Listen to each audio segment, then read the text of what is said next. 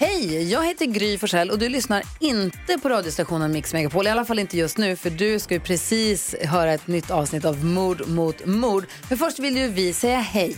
Hej, hej, det här är NyhetsJonas. Det här är Carolina Widerström. Och här är Gullige Dansken. Ja, och så Gry då. Och det vi vill säga att när du har lyssnat klart på den här podden, då får du gärna lyssna på våran. Vi spelar in ett nytt avsnitt varje morgon av våra podd Kvartsamtal. Och hela radioprogrammet blir ju också en podd om man är väldigt morgontrött eller så. Just det, om man missar morgonen ja. Men mest av allt så får du gärna lyssna på programmet i direktsändning varje morgon på Mix Megapol. Live varje morgon från klockan sex och då har vi med oss massor med vänner också. Thomas Bodström, Babben Larsson, Johan Pettersson, Christian Luuk. Massor med coola människor som bara dyker upp och gör livet bättre. Ja, som jag, Gullige Dansken. Exakt så. Och så mycket bra musik och annat skoj såklart. Så vi hörs när du vaknar på Mix Megapol.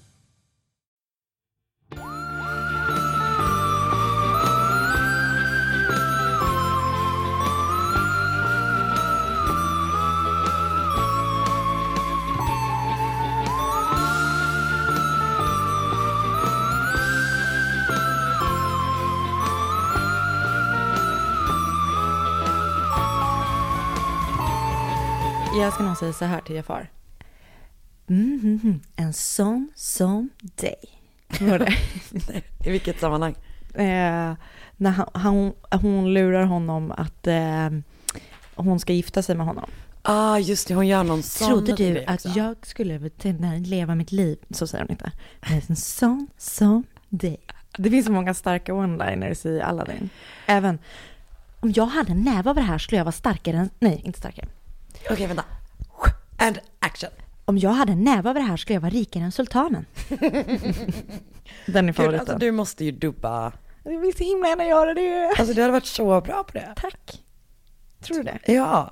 Mm. Radioteater. Alltså, nej, men jag tror just Disney-filmer tror jag hade varit bra. A whole new world. Kanske inte the singing part så mycket. Själv fick jag fråga om jag skulle, om jag ville voicea en reklam.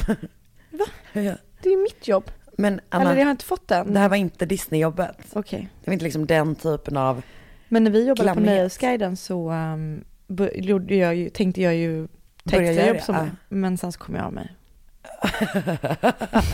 ja, ja, det var nära i alla Ja, fall. Du har sett Aladdin. Du Ja. tyckte om den. Mm. Men är den exakt som, Ja. De har lagt till typ två extra sångnummer som inte var bra. Såklart de inte var. Nej. Fan vad jag pratade med dig om. Jo just det. det Man var får inte rubba. Nej men också typ såhär, it's perfection. Mm. Det är som jag pratade med Camilla om, eh, hon hade sett Mary Poppins kom det ut en ny. Just det. Och där hade de gjort om alla låtar. Mhm. Hon bara, vi har alla de här odödliga klassikerna vi jobbar med. Nu slänger vi ut dem genom fönstret. Det var väldigt konstigt. In med ett dubstep-nummer. Nej, kul. Men eh, det jag tyckte var härligt var att det var så här lite dansnummer också. Just det. Men det är väl ett väldigt bra nummer då när han hoppar genom staden och sen Ja, den, hamnar på någon den. slags bordell. Just det. Gör han ju. Na, na, na, na, na, na, na, na, Var bordellen med Mm. även nu alltså, skulle det du säga? är ju... 100% en bordell. Ja. Mm, det är det. det var för att man inte förstod det som Nej. barn. Och sen så, eh, mitt favoritnummer. Prins Ali, vilken Ah, magi. Alibaba. Japp. Är prinsessan lika... Fast vi såg ju dem på engelska så då kunde man ju inte lika Ja, många det är sånger. tråkigt tycker jag. Mm. Jag, eh, när jag gick i sjuan så gjorde vi en, ja, nu har jag berättat för dig, skitsamma, jag säger det ändå. Mm. Så gjorde vi en kabaré. Mm. Eh, där jag och min kompis skrev om en helt ny värld till ett nummer där vi var utklädda till mjölkpaket. Och sen så sjöng vi en låt som hette En helt ny mjölk. Det var kul. Det var bland det märkligaste. Vad var det som var så nytt med mjölk? Nej, det var bara en mjölk du inte visste fanns. Alltså det var egentligen rakt av. Eh, Var ni utklädda till mjölkpaket? ja, ja, ja, jag kan visa dig en bild. Gud vad roligt. Gärna. Kan lägga en bild i vår grupp. Jättegärna. Eh, hur, just det. Det här är mord mot mord. Ja, what's up? Wow. En podd som framförallt utspelar sig eh, I i appen WhatsApp. Vi borde bara börja släppa Bara släppa där. Mm. WhatsApp-trådar. Mm. Eh, ja men fan vad härligt ändå. Vad my, eller det kände, glad, jag blev glad när du sa att den var bra för att jag läste en, en recension av den som var typ så här, det här är det sämsta Disney någonsin har gjort. Ja. Det tycker inte jag. Men också vad är egentligen det sämsta Disney någonsin har gjort? Jag vet inte, men jag har kommit på att, eh, eller jag har kommit på, det är nog inte jag som har kommit på det, men jag tänker att anledningen till att de gör alla de här otecknade nu är ju för att dagens barn har ju inte sett Disney-filmer. Plus att eh, det är ju typ ett super, måste ju vara ett supersätt, smart sätt att använda befintlig manus, Mm. bef- alltså allting finns redan. Mm. För de har väl Lejonkungen, Ja, ni ju den inte. är jag taggad på. Ja, den ska vi gå och se. Mm. Det kommer bli för jävla mysigt. Mm. A whole new world. Mhm. Men, men nu funderar jag bara på vilken som är den, fan de har gjort mycket bra alltså. Ja. Eh, Aristocat. Tycker du inte om den? Jo, jag älskar den. Ja, otrolig. Superbra. Eh, Mulan. Den är sjukt bra. Riktigt bra. Mm. Den jag gillar. Det finns en tjej där hemma, han, hon är min flamma. Den enda som vill ha honom, det är hans mamma. Det kommer inte jag ihåg. Den är väldigt förtjust i. Men jag fick den på VHS i julklapp ett år. Ah, starkt. Mm. Mycket bra. Hur är läget? Det är bra. Jag har eh, varit med min mamma hela helgen. Just det, hur var det att rida? Jag har Förutom att det regnade. Alltså jag höll ju på så jävla mycket. Från, jag tror jag köpte hästar när jag var fyra år gammal. Mm. Och sen höll jag på med islandshästar tills att jag var 18. Det är sjukt. Eh, och sen dess har jag ju inte suttit på en islandshäst. Jag tror inte jag suttit på en enda islandshäst. Vad konstigt formulerat. Eh, på kanske 12 år. Oj, Som ändå var liksom så här, det var någonting jag gjorde nästan varje dag under jättemånga år. verkligen. Det var super. Gud vad härligt. Det var så jätte, men jag har ett träningsverk i mina lår. ja. Och jag har ont på en plats som jag hade glömt bort fanns, det vill säga mina sittben.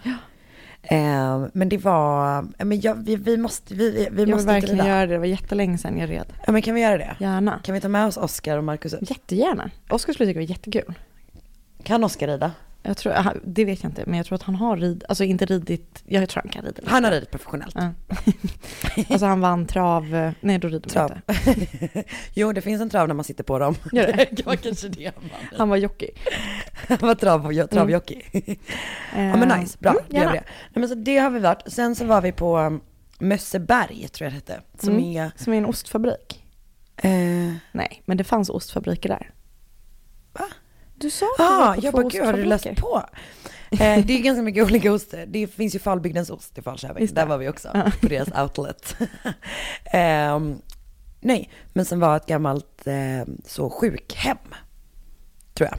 Mhm. Fast liksom du vet mer bara så, här var folk lite nervsvaga. Ja, ja. The top one, one percent sjukhem liksom. Det är typ så här eh, brunnsmiljö. Fast att man, Exakt, Ja. det är bra luft och hela den Ja. där grejen.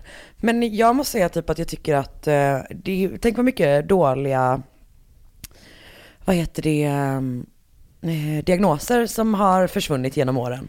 typ Men- nervsvag. Men just nervsvag känner jag typ att jag kan relatera till väldigt Men starkt. gud, det är väl det gånger. det står skrivet i pannan på mig. Ja det är verkligen sant.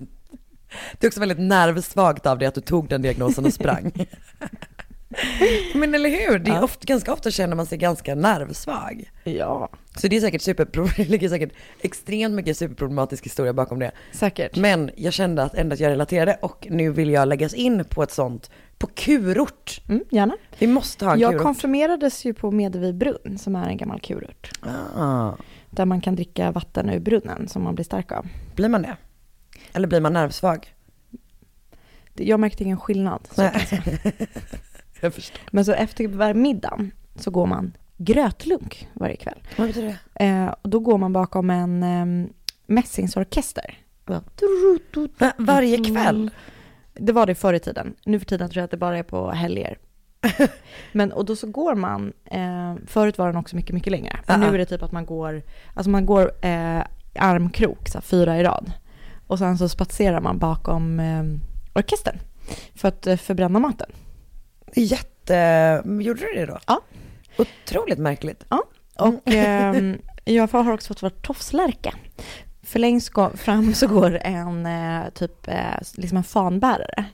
Och det, han bär på någon så här, liksom typ ku- alltså Medevi, med, Medevi brunns flagga. Och så från den så hänger det långa tofsar, så går fyra, det ska vara tjejer då, men det kan vara killar också, det är modernt kan det vara killar.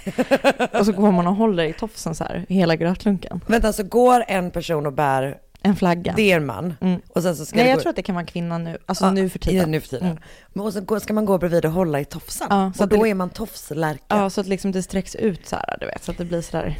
Det var kul hur stolt du ändå såg ut när du berättade att du hade varit Det tofslärka. var inte alla som fick vara tofslärka. Det ska jag berätta för dig. Det här är en av de märkligaste traditionerna jag någonsin hört. Så Det är ju ganska gjo- mysigt. Förr i tiden gjorde man det varje, men man kan inte prata med varandra om de håller på att tuta. Jo, man går och Orkestern. småpratar liksom bakom. Okej, så det är inte en för högljudd Nej, skämt. de spelar liksom lite så trevlig musik i blåsinstrument och typ trumma och så här. Nej, alltså det, eller jag... De bara, en Kan- helt ny. A whole new world. Tofslärkan går gone solo. A magic. Na-na. Litar du på mig? Hur mår du? Nej, inte direkt. Hur mår du idag? Ja men bra. Det känns som att jag har varit ute för jag känner mig liksom lite sådär bakis. Men det Är det är för att jag Oskar är bakis?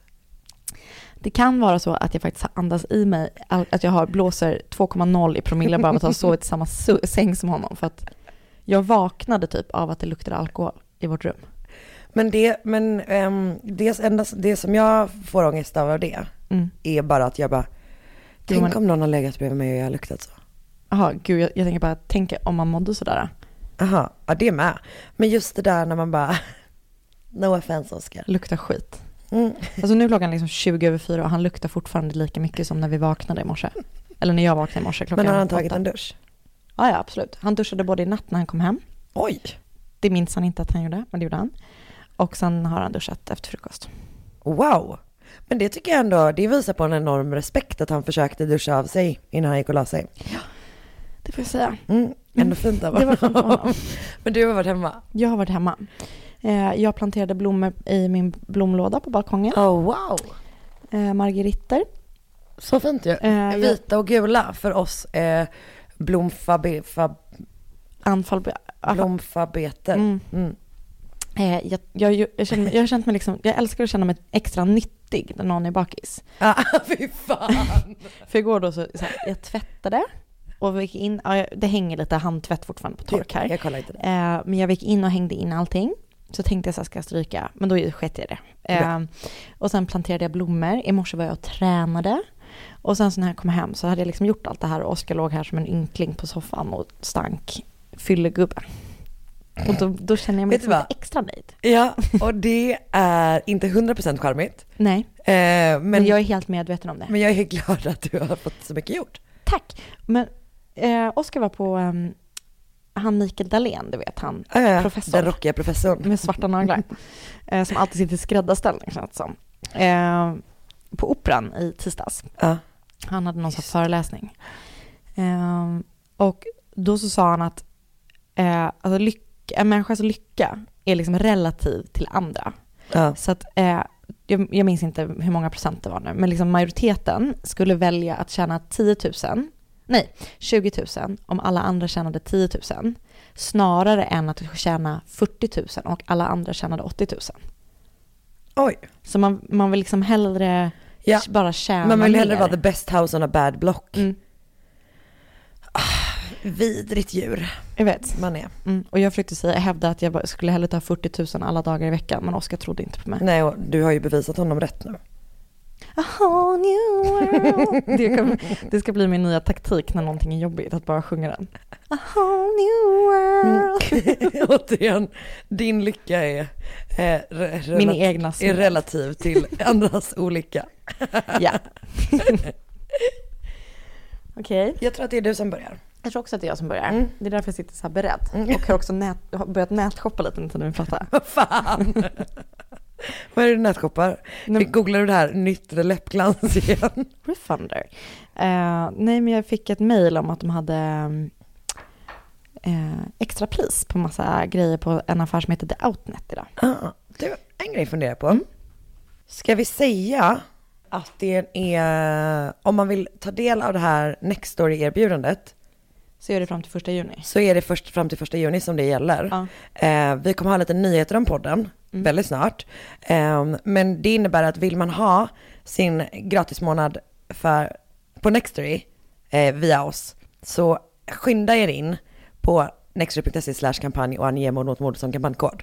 Jag tänker bara att det kan vara bra om man har tänkt så här, hmm, den där månaden ska jag ha, kan vara extra bra nu i sommar. Jag bara säger det. 100%. Ja. Ny säsong av Robinson på TV4 Play. Hetta, storm, hunger. Det har hela tiden varit en kamp. Nu är det blod och tårar. Fan händer just det. Det. är Detta är inte okej. Robinson 2024, nu fucking kör vi! Streama söndag på TV4 Play. Ett poddtips från Podplay. I fallen jag aldrig glömmer djupdyker Hasse Aro i arbetet bakom några av Sveriges mest uppseendeväckande brottsutredningar. Går vi in med hemlig telefonavlyssning och, och då upplever vi att vi får en total förändring av hans beteende. Vad är det som händer nu? Vem är det som läcker? Och så säger han att jag är kriminell, jag har varit kriminell i hela mitt liv men att mörda ett barn, där går min gräns. Nya säsongen av Fallen jag aldrig glömmer på Podplay.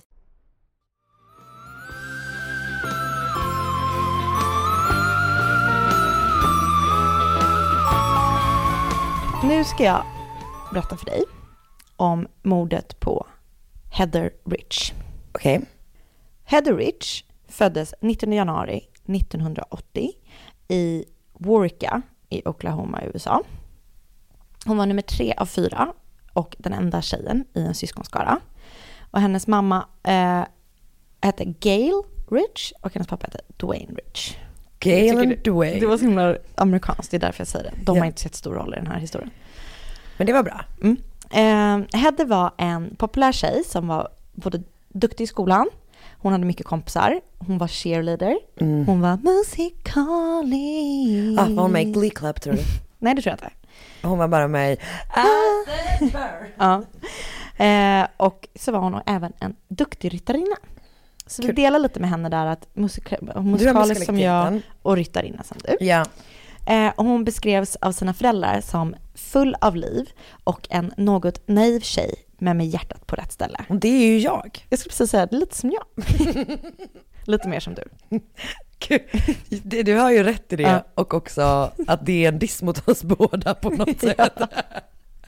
Jag är, jag är cun- cunning and evil. Du har hjärtat på fel ställe men har i alla fall koll på saker. Ja. Ja. Eh, men liksom, trots den här ytan av sprudlande glädje eh, och hon framstod då som liksom den perfekta tonåringen. Aj då, det är aldrig bra. Nej. Också den perfekta tonåringen, tonåringen blir ju packad ibland och gråter lite mot sin kompis och sådär. Ja, eh, så var det ju såklart inte så. För eh, när Hedde var 16 år så började hon visa upp liksom så problematiskt beteende både hemma och i skolan. Och eh, hennes kompisar, och liksom, eller så här, Warwick var en tråkig plats för tonåringar att bo på. Ja. En pyttehåla verkligen. Eh, och det hela började egentligen i september 1996. För den 27 september det året eh, så blev Heather och en av hennes bästa kompisar tillfälligt avstängda från skolan. Och från skolans cheerleadinglag, Eagles, eh, efter att de två hade varit fulla. Eh, under liksom en match när de Gud. hade cheerleadat. Aj då. Det känns som en vidrig upplevelse Verkligen. att ha på fyllan. Att bli så snurrad och sånt. Men de hade varit så här, wow. Så de blev då avstängda. Och eh, det liksom började unfolda att Heather både liksom krökade, som man gör när man är 16 kanske, en del av oss gjorde det. Mm. Och eh, också liksom experimenterade med droger. Hon liksom tyckte det var väldigt spännande med de sakerna. Mm. Men det blev en kort avstängning från skolan, för den varade bara i tre dagar, vilket var tur eftersom hon var tippad att bli homecoming queen på balen som var den 11 oktober. Men hon skulle aldrig bli homecoming queen. För den 2 oktober så eh, hamnade Heather och hennes föräldrar i ett bråk. Och det började med att de bråkade om en, en telefonräkning som hade legat så här jättehögt. Liksom. Ah, klassiker. Ja, och hon ville gå ut med sina polare men det fick hon inte eftersom hon liksom hade dels varit jättefull eh, på, matchen. på den här matchen och då att liksom så här, ja. Hon visade, hon visade inget ansvarstagande. Exakt. Så eh, Hedda gjorde liksom en klassisk tonårsscen av det och tyckte att hennes föräldrar var idioter. Ehm, så när hon skulle, liksom, hon skulle gå och tjura på sitt rum så typ stack hon in huvudet så till sina föräldrar i tv-rummet och sa till sin pappa godnatt och I love you. Men sa ingenting till sin mamma. Och sen så gick hon och la sig. Eller gick hon till sitt rum. Ja, fy fan, tänk när man har tonåringar. Alltså, längtar. Ehm. Äntligen kompisar. I'm a cool mom. Som är, du vet, Mean girls. I'm a cool mom. Oh. Need condoms? Amy, Amy fucking Poehler alltså. Och jag älskar henne. Morgonen efter så var Heather inte på sitt rum. Aj då. För hon har då smitit ut genom sitt badrumsfönster. Och hennes föräldrar går till polisen. Och de är typ så här, "Ja, men, det är för att ni har bråkat eh, hon kommer dyka upp, du vet, så här, det är ingen grej. Mamman, liksom de bara så här, men det är någonting fel. Så här, Så här har hon inte gjort. Så hon börjar eh, höra sig för Eh, och det börjar polisen göra ganska snabbt också. Och det kommer först, ehm, det kommer in liksom vittnesmål från olika människor eh, som påstår sig ha sett Heather i olika scenarier.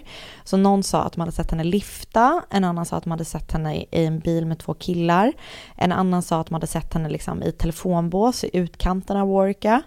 Och eh, några andra menade att eh, Heather hade arbetat extra som exotic dancer och att det hade hänt någonting med henne liksom på hennes jobb. Ja. Och ehm, eh, liksom, några andra menade att eh, hon dealade med metamfetamin och att det hade hänt någonting där. Men gud, det är liksom... Så det var liksom fullt av. Ja.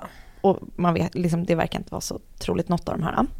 Hennes familj däremot menade att eh, hon hade försvunnit mot sin vilja. Och att det var någon som kände henne som hade, ehm, Som hade tagit med sig sig.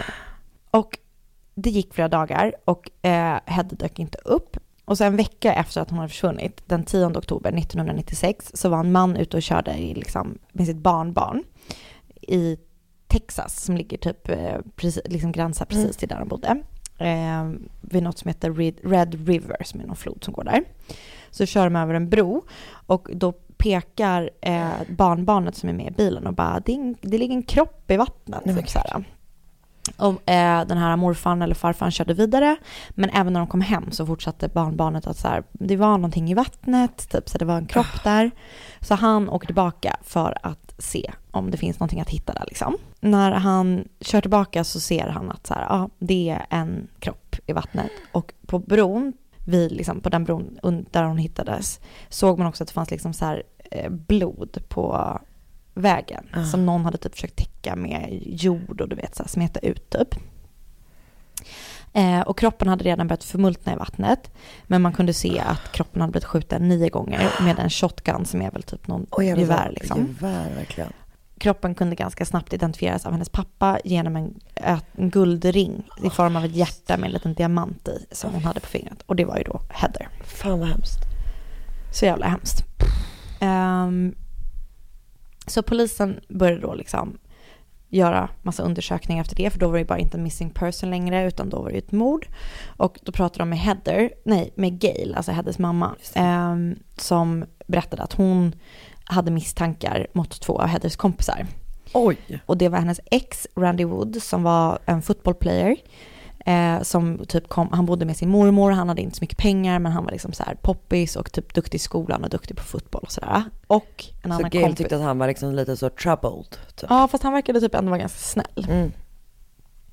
Eh, men det, när hon hade pratat med honom, när hon började höra sig för så tyckte hon liksom att, så Att det är något som inte stämmer. Typ. Mm.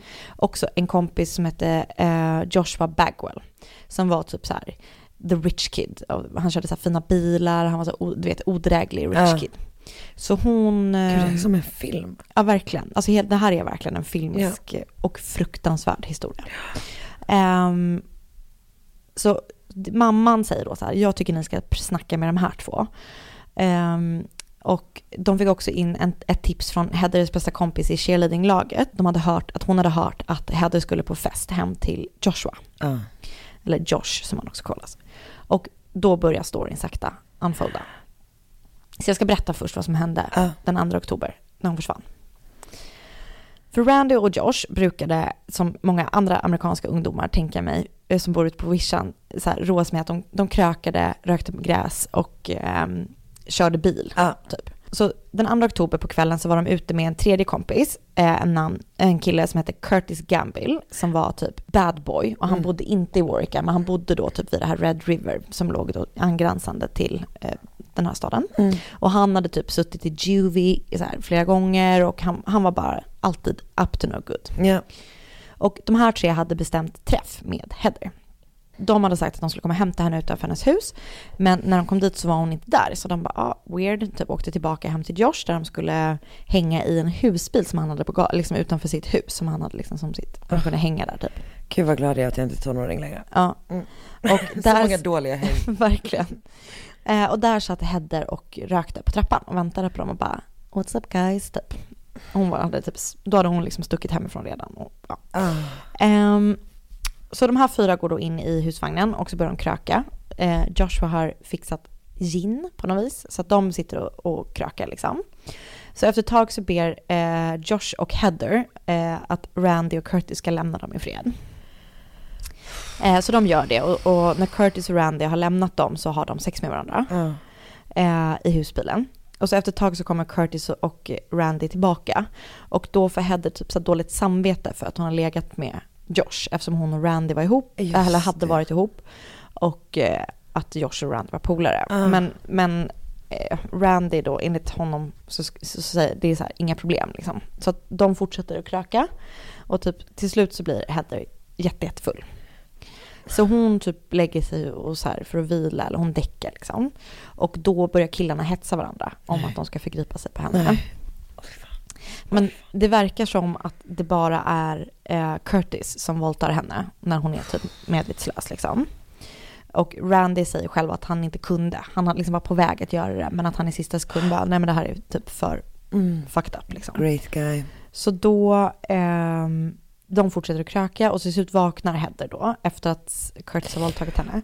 Och hon har panik och bara skriker och är så här, vad har ni gjort typ? Jag vill hem, du vet, typ så.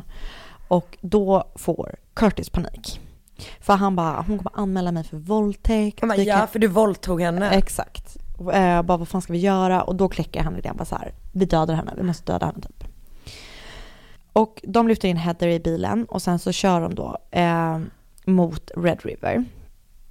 Och när de kommer på bron så eh, stannar de och så drar de ur Heather i bilen och sen skjuter de henne, eller så skjuts hon nio gånger och puttas ner i floden nedanför. Eh, Nio jävla skott. det är så jävla grovt. Och det är typ ett skott i huvudet och typ åtta i kroppen. Och det som gjorde då att de senare skulle kunna åka fast var bland annat tipset från Heathers kompis och mammans misstankar. Eh, men det var också det vapnet som Heather hade skjutits med. För det var tydligen så här väldigt speciell ammunition i det här Ja. vapnet. Så när de började spåra typ vem som hade köpt det så kom det fram att Josh eh, hade köpt så här stora mängder av det här ammunitionen. Att han hade det här vapnet som liksom var ett ovanligt vapen typ. Oj. Var något sånt typ gammalt fint. Jag vet inte exakt. Nej men det känns, alltså, men, någonting någon var det liksom, det Ja. här. Ehm, och eh, det kom fram då att Jo- Josh hade köpt det här och att han hade med sig Curtis när han hade varit och handlat ammunition. Eh, det behöver inte betyda att de liksom har planerat att mörda, men de hade liksom setts ihop i alla fall. Så de började liksom så kartlägga Ja. folk typ. Så de börjar med att plocka in Curtis eftersom han har haft domar Han har a mot sig. record. Exakt. Eh, och han är typ så här, jag fattar inte vad ni pratar om och går med på att göra ett lö- lögndetektortest. Som han då failar. Ja. Alltså det vet vi ju att lögndetektor, men, men ja. han gjorde i alla fall det. Och när han har failat så erkänner han vad som har hänt. Och då plockar de in också Josh och Randy. Säger de vem som har skjutit? Jag ska berätta nu. Ah, ah. Ehm, så Curtis erkänner, men han säger att det är Randy som har skjutit. Det tror jag inte på. Och Josh erkänner ingenting, men Randy erkänner. Men han har ju då en helt annan historia, för att han hävdar att eh, det var Curtis som mördade Heather. Eh, och polisen anser att Randys historia är den som verkar mest trolig. För han berättar att ehm, det var Curtis initiativ och att det var Curtis som sköt och att han själv fasade för sitt eget liv. Och typ bara liksom Ja. var med, alltså han, han berättar att han hjälper till. Men att, Men att han gör liksom- det för att han är rädd. Exakt. Och eh, Curtis sköt och de andra hjälpte henne att putta henne ner i floden sen när hon väl hade dött. Och de typ hjälpte henne att bä- bära henne in i bilen. Så att de är absolut medhjälpare. Ehm, men de har liksom inte pulled the trigger. Ehm, så åklagaren ville yrka på dödsstraff för Curtis Åh jävlar. och livstid för de andra två. Men eh, Josh erkänner ju ingenting. Nej. Så att det enda beviset som finns mot honom är att de andra två har berättat. Så polisen, Och med kulorna. exakt. Mm. Så polisen erbjuder både Curtis och Randy varsin plea deal. Ehm, så Randy tackar ja till en deal om livstid med chans till eh, frigivning efter 30 år Mm. om han vittnar mot Josh. Och Curtis fick dealen att han skulle få livstid istället för dödsstraff om han vittnade mot Josh och erkände mordet på Heather. Just det. Vilket båda, båda de tackade ja till det här. Men sen under rättegången så börjar Curtis ändra historia igen och han verkar vara så sjukt våldsam. Typ. För mitt under rättegången så ger han sig på en vakt och slår ner honom. Bara mitt från ingenting. Och alla typ, jag såg en dokumentär om det här fallet. Och alla så här bara, han, han hade så evil eyes, alltså han var verkligen en ond person typ. Ja. Men han döms i alla fall till livstidsfängelse, Curtis. Eh, Josh rättegång, som är efter Curtis rättegång, den blir så här, den är riktigt ofräsch. Ja. För han fortsätter att neka och han smuts, smuts, smutskastar eh, Heather. Och typ... Eh, Om att de har haft sex innan och... de har haft sex och hon krökar och hon typ te- experimenterar med droger. Ja, det gör ju han med. Exakt, men det, hon är ju liksom tjej. Jag Ja. vet inte. Men han liksom försöker vinna sympati för sig själv genom att smutskasta Heather. Och ehm, han hävdar att han har blivit lurad av Randy och Curtis. Och så är det så här massa fram och tillbaka och då Curtis tar tillbaka sitt vittnesmål mot Josh och du vet så här. Men Josh döms i alla fall till slut till, eller för mord och conspiracy to commit murder. Och han Oj. döms till livstid plus 90 år i fängelse. Och att de ändå fick liksom överlagt, alltså den grejen. Mm. Mm. Och Randy vittnade ju då mot eh, Josh och Curtis och erkände att han själv var delaktig Ja. och sådär. Han ber också få träffa Heathers föräldrar eh, för att han vill typ be om ursäkt och förklara. Och det här mötet tv-sändes. Så att man kan Va? se, ja det är så jävla sjukt. Hela rätt, alla rättegångar tv-sändes, det är verkligen att göra. Men det här mötet tv-sändes också på någon sån nyhetskanal. Och de är typ helt förlåtande mot Randy. Och är typ så här, vi tror på din historia, vi förlåter dig. Ja. Så att han verkar typ ändå vara, liksom, han är typ den mest good guy av de här. Ja, of the bad ones. Ja, exakt. Liksom. Och Ah, shit alltså. Ja, han vägrar liksom säga att han är skyldig till hennes mord under rättegången, men att han liksom berättar att han har varit delaktig för att han var rädd och att han kände sig tvingad. Typ. Ja. Och han döms efter tre dagars rättegång till mord, för mord eh, till livstidsfängelse med chans till frigivning efter 40 år. Ja. Eh, så de sitter liksom alla fängslade nu. Och eh, en sjuk sak är att år 2002 så rymde Curtis och Josh från fängelset. De satt på samma fängelse, så de rymmer med två andra fångar. Och är på rymmen i nio dagar innan de grips igen. Och innan de eh, gav upp och greps så höll de några människor gisslan på en bensinmack. Åh Så de två verkar ju vara Ah, ja. riktigt fuckade. Ja. Och Randy sitter också fortfarande fängslad och han har gift sig i fängelse eh, med en kvinna eh, som har flyttat till Texas från Nya Zeeland.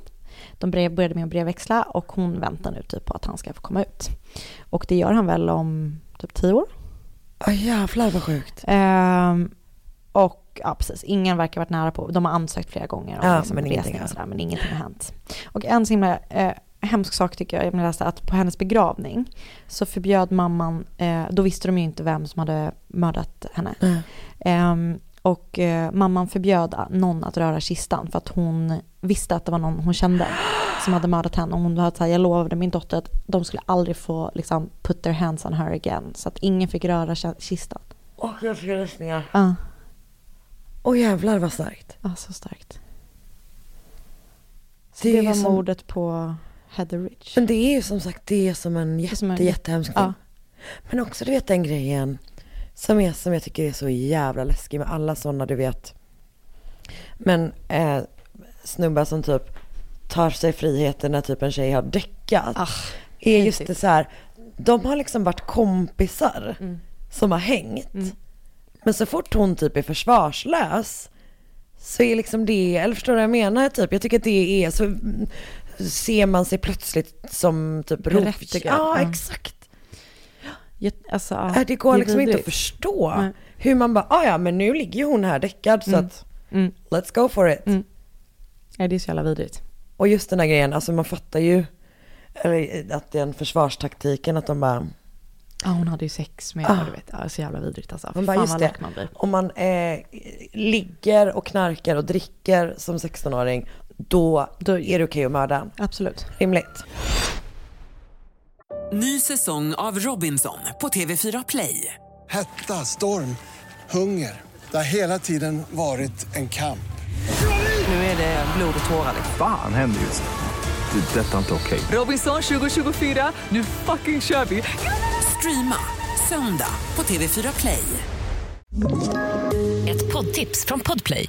I podden Något Kaiko garanterar östgötarna Brutti och jag, Davva, dig en stor dos skratt. Där följer jag pladask för köttätandet igen. Man är lite som en jävla vampyr. Man har fått lite blodsmak och då måste man ha mer. Udda spaningar, fängslande anekdoter och en och annan arg rant.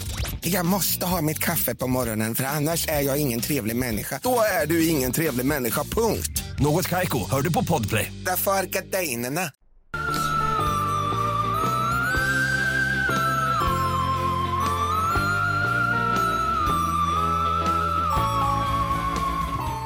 Jag har valt ett eh, lite annorlunda fall idag.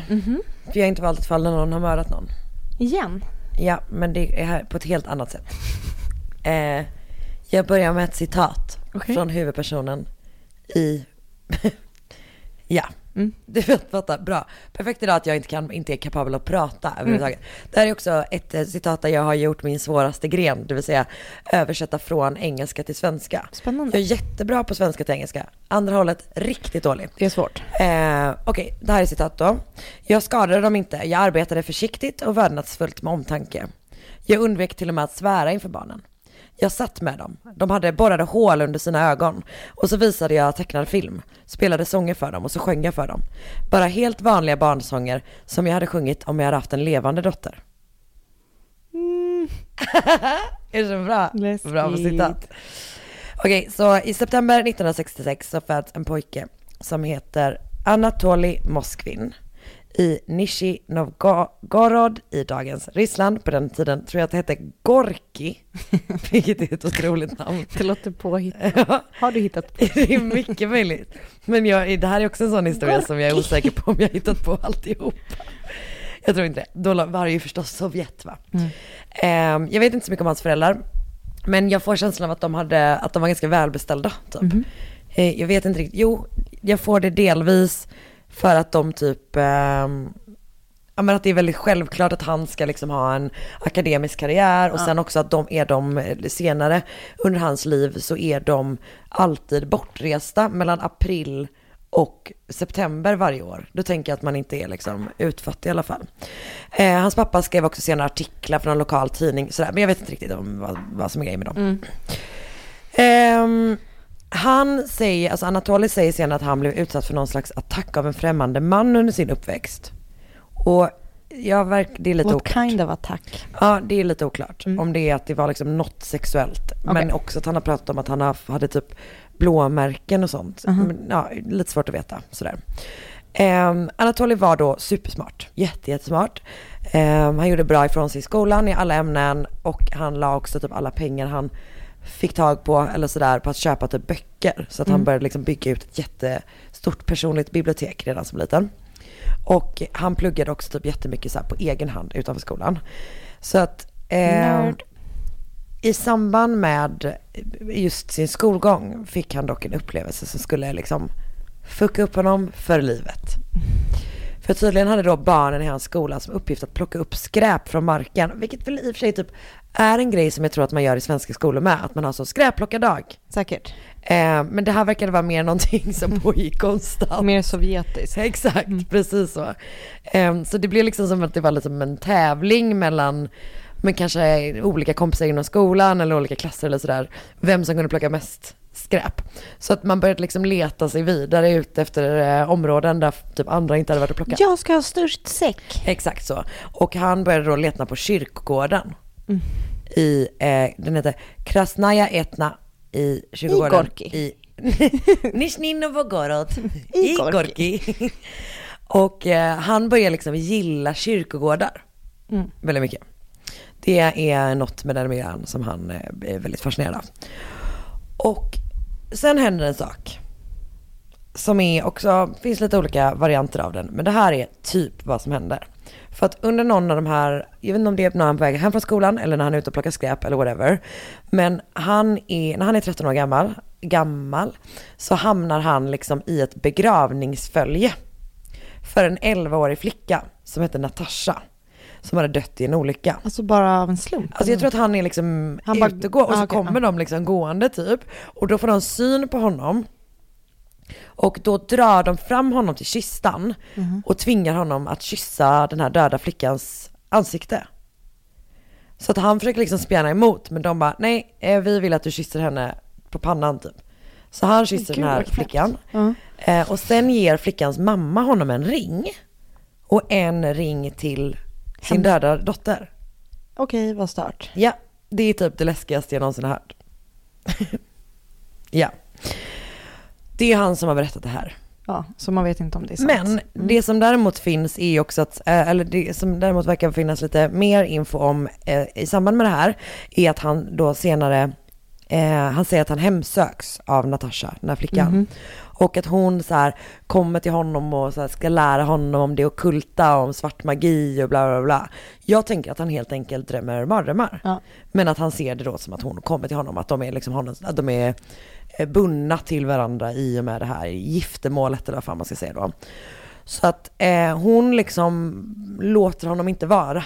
Utan han bara drömmer om henne hela, hela tiden. Så till slut så går han då till sina föräldrar Mm. och berättar om det här. Och då så tar de med sig honom till en läkare typ. Mhm. Eh, som säger att eh, det bara är för att han går igenom puberteten. Just det, det är det. ja. Ja. Du vet när du Nu kan kontrollera jag. dina ben och också hemsöks av en flicka varje natt. Just det, puberteten. Just det. Du vet hur jobbigt det kan vara när man får mens första gången. Verkligen.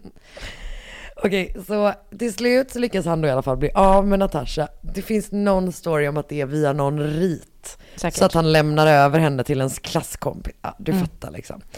Men ehm, hur som helst så kommer liksom den här upplevelsen påverka honom hela hans liv. Mm. För att han kommer liksom resten av, ja men tillägna resten av sitt liv till typ det ockulta, till svart magi och framförallt väldigt mycket även till kyrkogårdar. Han säger att kyrkogårdar har liksom en magnetisk dragningskraft för honom. Han är helt obsessed vid dem. Mhm. Så han eh, traskar då runt på de här kyrkogårdarna och kollar läget. Han börjar också plugga på universitetet. Han är som sagt supersmart, så det går jättebra. Han kan alltså 13 språk innan han börjar på universitetet i Moskva. Finns det ens 13 språk? Ett är rävarspråket. Just det. Joja, gog, error, anononna. Vad betyder det? Jag är Anna. Mm, kan du säga det med Anatoli Moskvin? Joja, gog, he, etoteror, anonna, totololi. Det kommer bli det längsta avsnittet vi någonsin har gjort. Alltså, jag kan inte stava hans efternamn. jättebra. Tack. Väldigt bra. ja, 13 språk. Han lärt sig de flesta av dem på egen hand. Störig. Det är ju bara miss, dömt att misslyckas om man är så smart alltså. Det är verkligen sant. Det är verkligen sant. Han börjar plugga på den filologiska avdelningen. Det finns inte. Det är påhittat. Det med. Du har hittat på det. Du har bara skrivit en spökhistoria. Gorki. Nej, jag har inte det. Filologi eh, verkar vara, handlar i i grund och botten om de klassiska språken, alltså grekiska latin. Och typ litteratur, bla bla bla. Som sagt, störig. Nerd. Men han, okej nu kommer det bli ännu, lyssna på det här då. Men han eh, gör sitt exjobb om tysk och keltisk filologi. Nerd. Nerd. Non error dod. A whole new world. A whole new nerd. Mm, bra. Ehm, ja, han är En skrivit jättebra. helt ny mjölk. Ja, det var så bra den låten. Okej. Ehm, han, han gör succé i skolan helt enkelt, supersmart. Han börjar också hänga med ett gäng som sysslar med, gud varför, varför har jag hittat på den här historien? Som sysslar med luciferianism. Mm. Du är så trött på mig nu. Devil worships. Ja, fast grejen är typ att det är inte exakt som satanism, utan eh, för det utgår inte från den kristna bilden av Satan eller Lucifer, utan typ en bild som finns i den antika Grekland. Mhm. Nerd! Non error Ehm, och då är då Lu- Lucifer ljusbärare. Han är Och det- tofslärka. Han är verkligen tofslärka. Gud, det står faktiskt här. Ehm, det är en ateistisk teori som bygger på att Lucifer är tofslärka. Nej, han är fanbärare. Lucifer måste han ju vara. Eh, ja, eh, Anatolij Moskvin däremot. Ja, han är tofslärka. Tofs- Tofslärka. Ehm, men de, det här gänget då håller på liksom med lite så riter och du Mm. vet så. Men det är liksom, ja de är artister, det finns någon slags, ja, oklart. Ehm, där gör då hans historia om, om, eh, om relationen till, med, till Natasha förstås succé. Såklart. Han blir ju väldigt intressant Mm. på deras fester när han liksom bara så, har jag berättat om Jag den gången jag gifte mig med en död döing. 11-åring?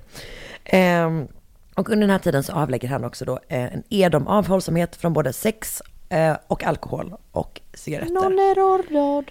Tusen procent nonnerorrord. Men det måste vara ett ö. Nörd. Ja, du tänker på engelska. Nonnerordod. N- eh, annars blir det nonneror. Svårare. Det låter inte lika bra. Nej. Fortsätt, på, fortsätt på ditt Mm, spår. You, you're amazing. You're doing amazing sweetie. Ja, eh, han håller på lite med svart magi, bla bla bla. Han börjar undervisa i keltologi. Vet inte om det heter så på svenska. Men det handlar om Det det. keltiska seder. Och eh, det gör han då på universitetet i sin hemstad och då flyttar han in hos sina föräldrar igen.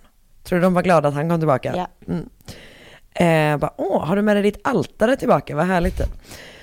Jag Men- vet ju en person ehm, eh, som är, har en son Ja. som har en kista. Alltså han, Ursäkta? som han liksom packade i när han reste så här. Han var liksom sjukt ju. Vänta, vilken sorts kista? En kista. Jag vet inte exakt, jag har inte sett den. Men det är inte en begravningskista. Kanske. Det, nej, det kan det inte ha varit. Han gick in på Fonus. Han har sån här hög hatt och mantel, du vet. Och packar i kistan när han åker och pratar alviska. Sådana killar har jag träffat en och annan om man ser. Men inte legat med dem. Nej. Någon... Eh... Rordod. Okej, som sagt, hans föräldrar är borta från eh, april, ap, april till september varje år. Så de är inte där skitmycket, men de bor ändå ihop nästan under större delen av året. Han skriver flera olika lexikon. Och så skriver han böcker om, eh, som ska lära icke barn eh, icke-ryska ord. Och hans kollegor på det här universitetet beskriver honom som punktlig och superbra på sitt jobb. Men också eh, väldigt märklig. Mm. Och efter ett tag så säger han upp sig då från Nizjnij Novgorod, eller vad heter det? Gurki. Gorki. Eh, universitetet då efter att han har hamnat i bråk med någon kollega. Så efter det så fokuserar han på att skriva och ge privatlektioner. Mhm. 2003, 20... Mm. Perfekt. Jag rapporterar mid-stroke Mm. till er. 2003 så träffar han en kvinna som heter Julia och de inleder en eh, hyfsat märklig relation. För att de är liksom ihop, men de har eh, liksom en uttalad, icke, alltså det är en totalt icke-sexuell relation. Och båda två är okej med det. Mm. Utan det liksom, verkar vara mer som att de vill att, ja men de har någon slags socialt utbyte, men de är ihop liksom. Så eh, han har ju då svurit att han aldrig ska ha sex och Julia är helt fine med det. Men hon vill ha barn och det vill han med. Jobbig, Mm. svår situation. Så att ingen vill ligga med den andra, men de vill ha barn. Adoption. Det är precis vad som händer. Anatoly bestämmer sig för, för att försöka adoptera till hans föräldrars stora glädje. Han är alltså 37 år gammal och bor hemma, och hemma hos dem. Och eh, har just sagt upp sig från sitt jobb. Perfekt. Han eh, försörjer sig liksom på att skriva om svart magi och kyrkogårdar. Så att det är liksom, de är så här, ah, Det blir inte det är inte asmycket pengar. ultimat liksom. Nu vill han då adoptera en dotter. Eh, och det blir ett jättestort bråk. Mhm. För att de är så här, det kan du ju absolut inte göra. Det Nej. måste du också förstå. Anatoly, för fan typ. Men eh, de behöver inte oroa sig för att hans ansökan avslås. Bra, för att han har eh, väldigt ekonom, eh, ostadig ekonomi. Men i juli 2005 så kommer han trilla över ett nytt väldigt stort uppdrag som kommer hålla honom upptagen lång tid framöver till 2013. Och det är ett forskningsuppdrag som han leder men som finansieras av en lokal historiker. De har liksom det tillsammans. Och det ska resultera i en bok som ska heta Novo- Novgorod Necropolis. Mhm. Så att de ska alltså kartlägga kyrkogårdarna i området typ. Okej, Det låter som en jävla bestseller. verkligen. Mm. Hans, alltså Anatolis uppdrag i det här projektet är då att åka till alla kyrkogårdar i hela området och En dokumentera dem. jackpot för honom. Mm, Jag vet, alltså han, han kom rakt ut på en kyrkogård. Åh nej. Vadå dokumentera? Jag förstår inte. Som jag förstått det så ska han typ dit och så här skriva ner alla som ligger där. Jaha, okej. Och typ även tror jag att, jag tror att planen är att man ska berätta typ lokal historia genom historien om kyrkogårdarna. Att det är någon sån tanke typ. Det är lite oklart faktiskt. Jag har inte riktigt förstått. Han kommer alltså lägga super, super många år på att liksom ta sig till olika kyrkogårdar skriva vilka som är där, du vet, ja, hänga runt liksom. Och eh, under den tiden då så vaknar han, det här var vanlig dag, Mm. vaknar på morgonen och började då bege sig till dagens kyrkogård. Det var bara det att det låg väldigt avlägset, alla kyrkogårdar. Och kollektivtrafiken var inte, inte jättebra. Så att han var tvungen att gå Mm. till dem nästan alltid. Så han gick i snitt tre mil per dag för att kolla på olika kyrkogårdar.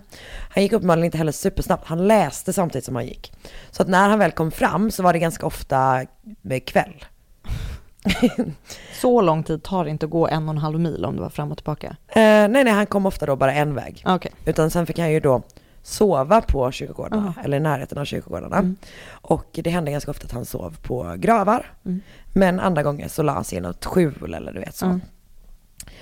Och eh, han hade liksom några olika problem. Ett var att poliser kom och ibland kom och typ plockade upp honom. Bara, Vad är det, varför håller du på att dra runt på våra kyrkogårdar? Mm. Och då kunde han ofta typ bara visa så här, han bara, men det är det här jag håller på med typ, här är mitt researchunderlag. Släppte de honom. Det var dock, ehm, han hade problem att han fick spö av lokalinvånare. Mm. Som bara, "Eh, varför är du här och är, håller på med våra släktingars gravar? Mm. Och eh, sen hade han också ett problem som var då att han även undersökte muslimska gravplatser. Mhm. Och det gjorde han under en period då det här området hade sett typ en sjuk stor, alltså en sjuk ökning av hatbrott mot just muslimer. Jaha. Och han höll ju liksom på med deras gravstenar och liksom, jag tror att han ibland satte upp lappar och försökte liksom ta reda på vilka folk var och sådär liksom. Så att eh, det gjorde då att den ryska underrättelsetjänsten började liksom intressera sig för honom. Mm. För att de är så här, de bara, okej vänta, är det här en person som planerar något slags, eller du vet, vi Ja. måste ha koll på honom. Och han hade också då, för han eh, skrev olika artiklar i någon, i någon, lite olika tidningar och lite sådär, medical journals, whatever. Eh, inte medicinska, för han var ju inte medicinare, Nej, men du fattar. Mm. Och eh, han hade då skrivit några stycken som han tyckte var uppseendeväckande. Bland annat så hade han skrivit om svastikan som symbol. Alltså fy fan, det är fan, ingenting gör mig mer arg än när en kille som tror att han är smart ska hålla så. Visste du att eh, Ja, det är solens svastikan är solens? Ja, Ah, hatar det. fuck you. Man bara, ja vet du vad, det är också nassarnas tecken. Hur som helst, eh, han hade skrivit eh, det. Och sen så hade han också skrivit en annan text som eh, ansågs uppvigla liksom, hatbrott brott mot folkgruppen tatarer. Som är liksom ett turkiskt folk från början tror jag som kom till Ryssland. Okej. Och då skrev han om hur eh, hur otroligt många som, kvin- ryska kvinnor som våldtogs av det här Mm. folket. Och det här är ju way back when. Men han liksom, han höll på Mm, kan man säga. Så att eh, folk blev liksom så här, fan vi får nog hålla lite koll på honom. För att han kan vara kanske fascist. Eh, och islamofob och även lite andra grejer. Så den 2 november 2011 så bestämmer sig då, 2011? Ja, 2011. Jag sa nog 2013 innan. Mm. Jag menar 2011. 2 november 2011 så bestämmer sig då polisen för att undersöka hans, eh, hans lägenhet, eller ja, hans föräldrars Mm. lägenhet som han bor i. För att då försäkra sig om att han inte var liksom en fascist som planerade någon slags terrorbrott mot muslimer typ.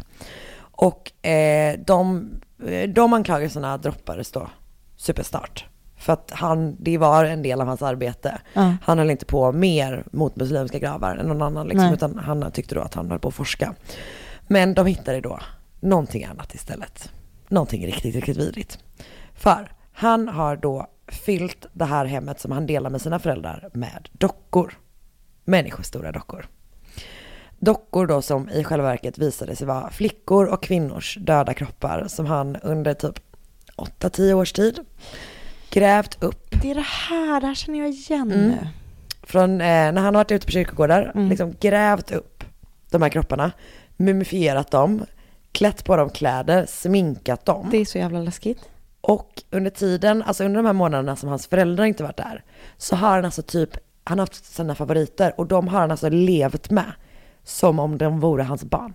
Det är så jävla obehagligt. Alltså han har liksom så här, ja, ja, vi ska berätta allting han har gjort. Jag ska det, du behöver inte oroa jag bara, okej får jag läsa, har du manus? Ehm, så att det här är då inte som sagt inte en person, en historia med en person som mördar folk. Nej. Men jag kände ändå, Det är- he's relevant. Absolut. Så, alltså det är en av de grejerna som jag tycker är nästan äckligast med det. Det är alltså att hans föräldrar levde med de här dockorna. Ja, alltså, Och inte, båda två blev inlagda på sjukhus efteråt. ja, ja. Alltså förstår du vilka, liksom, bara äckelkänslor i hela jävla kroppen.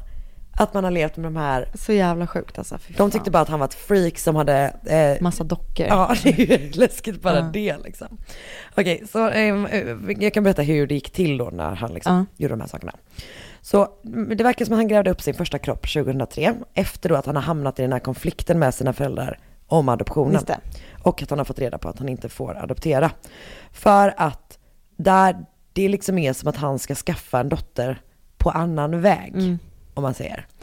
Så han lyckas då få upp en kista och i den ligger då en flicka med långt hår som har på sig vit blus och Det är svart därför man vill bli kremerad. Alltså, verkligen därför.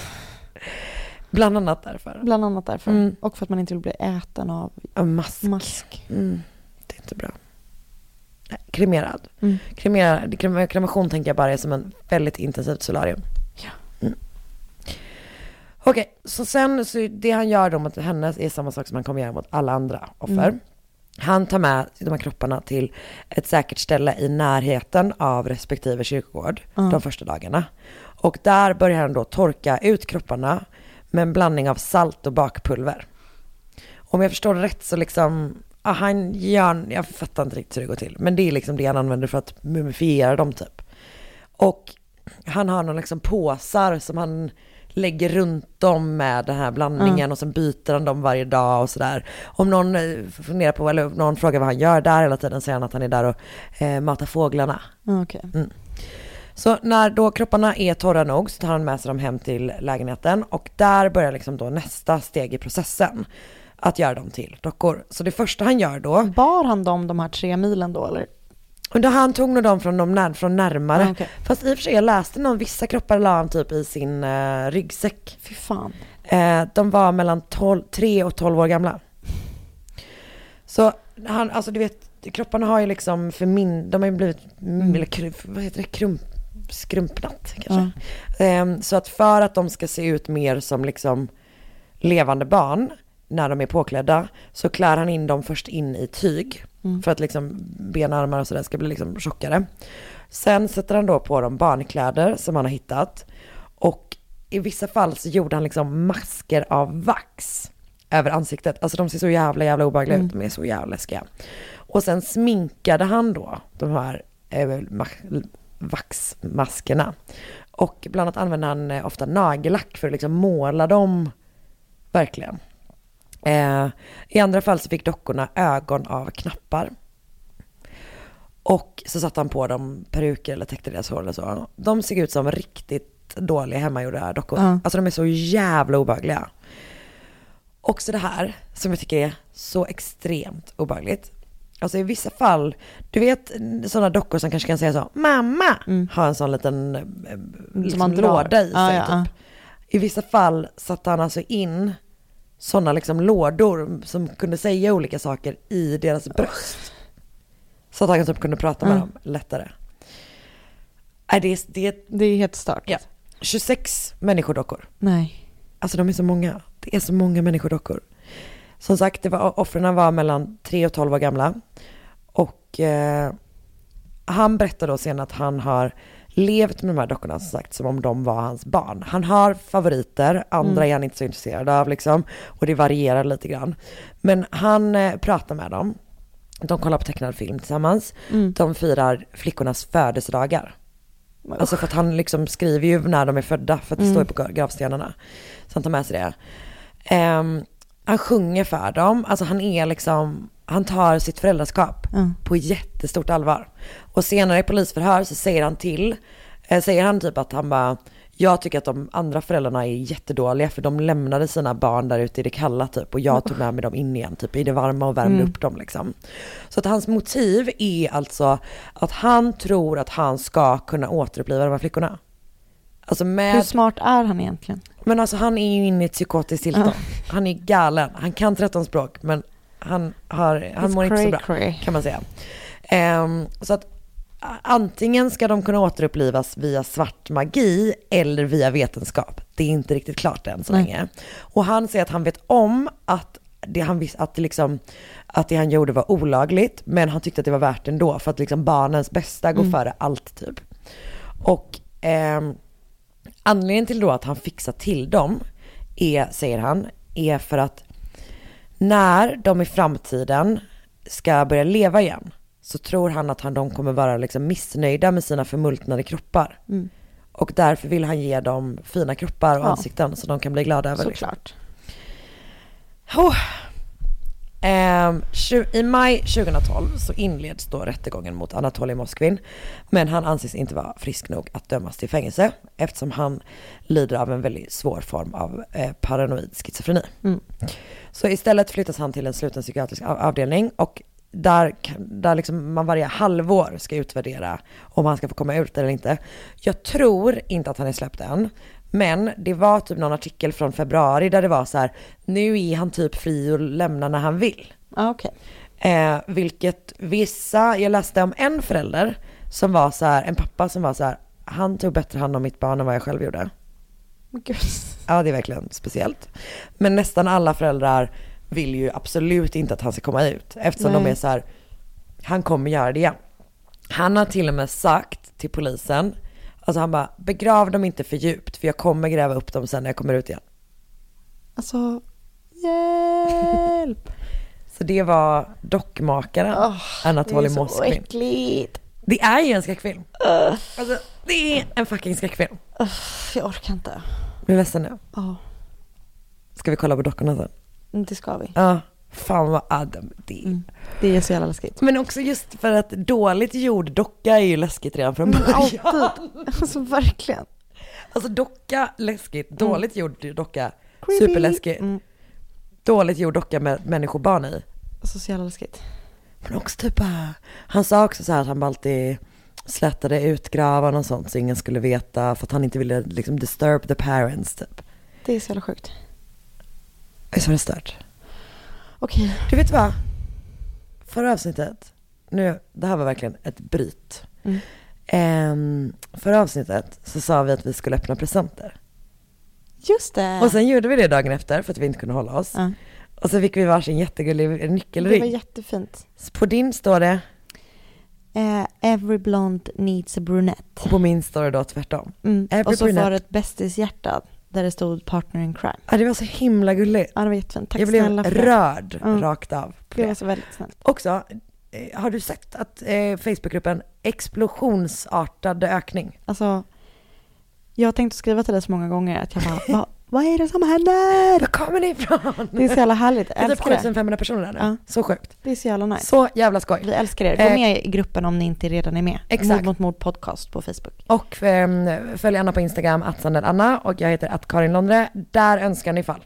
Ni behöver inte skriva in någon så här, är det här man önskar fall? Skriv rakt upp och ner. Ja, inte i Facebookgruppen. Inte i Facebookgruppen. Mm. Då kommer vi inte göra det. Det var allt för den här veckan. Det var allt för den här veckan och vi hörs nästa vecka. Hej! Hej! Ny säsong av Robinson på TV4 Play. Hetta, storm, hunger. Det har hela tiden varit en kamp. Nu är det blod och tårar. Fan händer just nu. Det. är Detta är inte okej. Robinson 2024, nu fucking kör vi! Streama söndag på TV4 Play.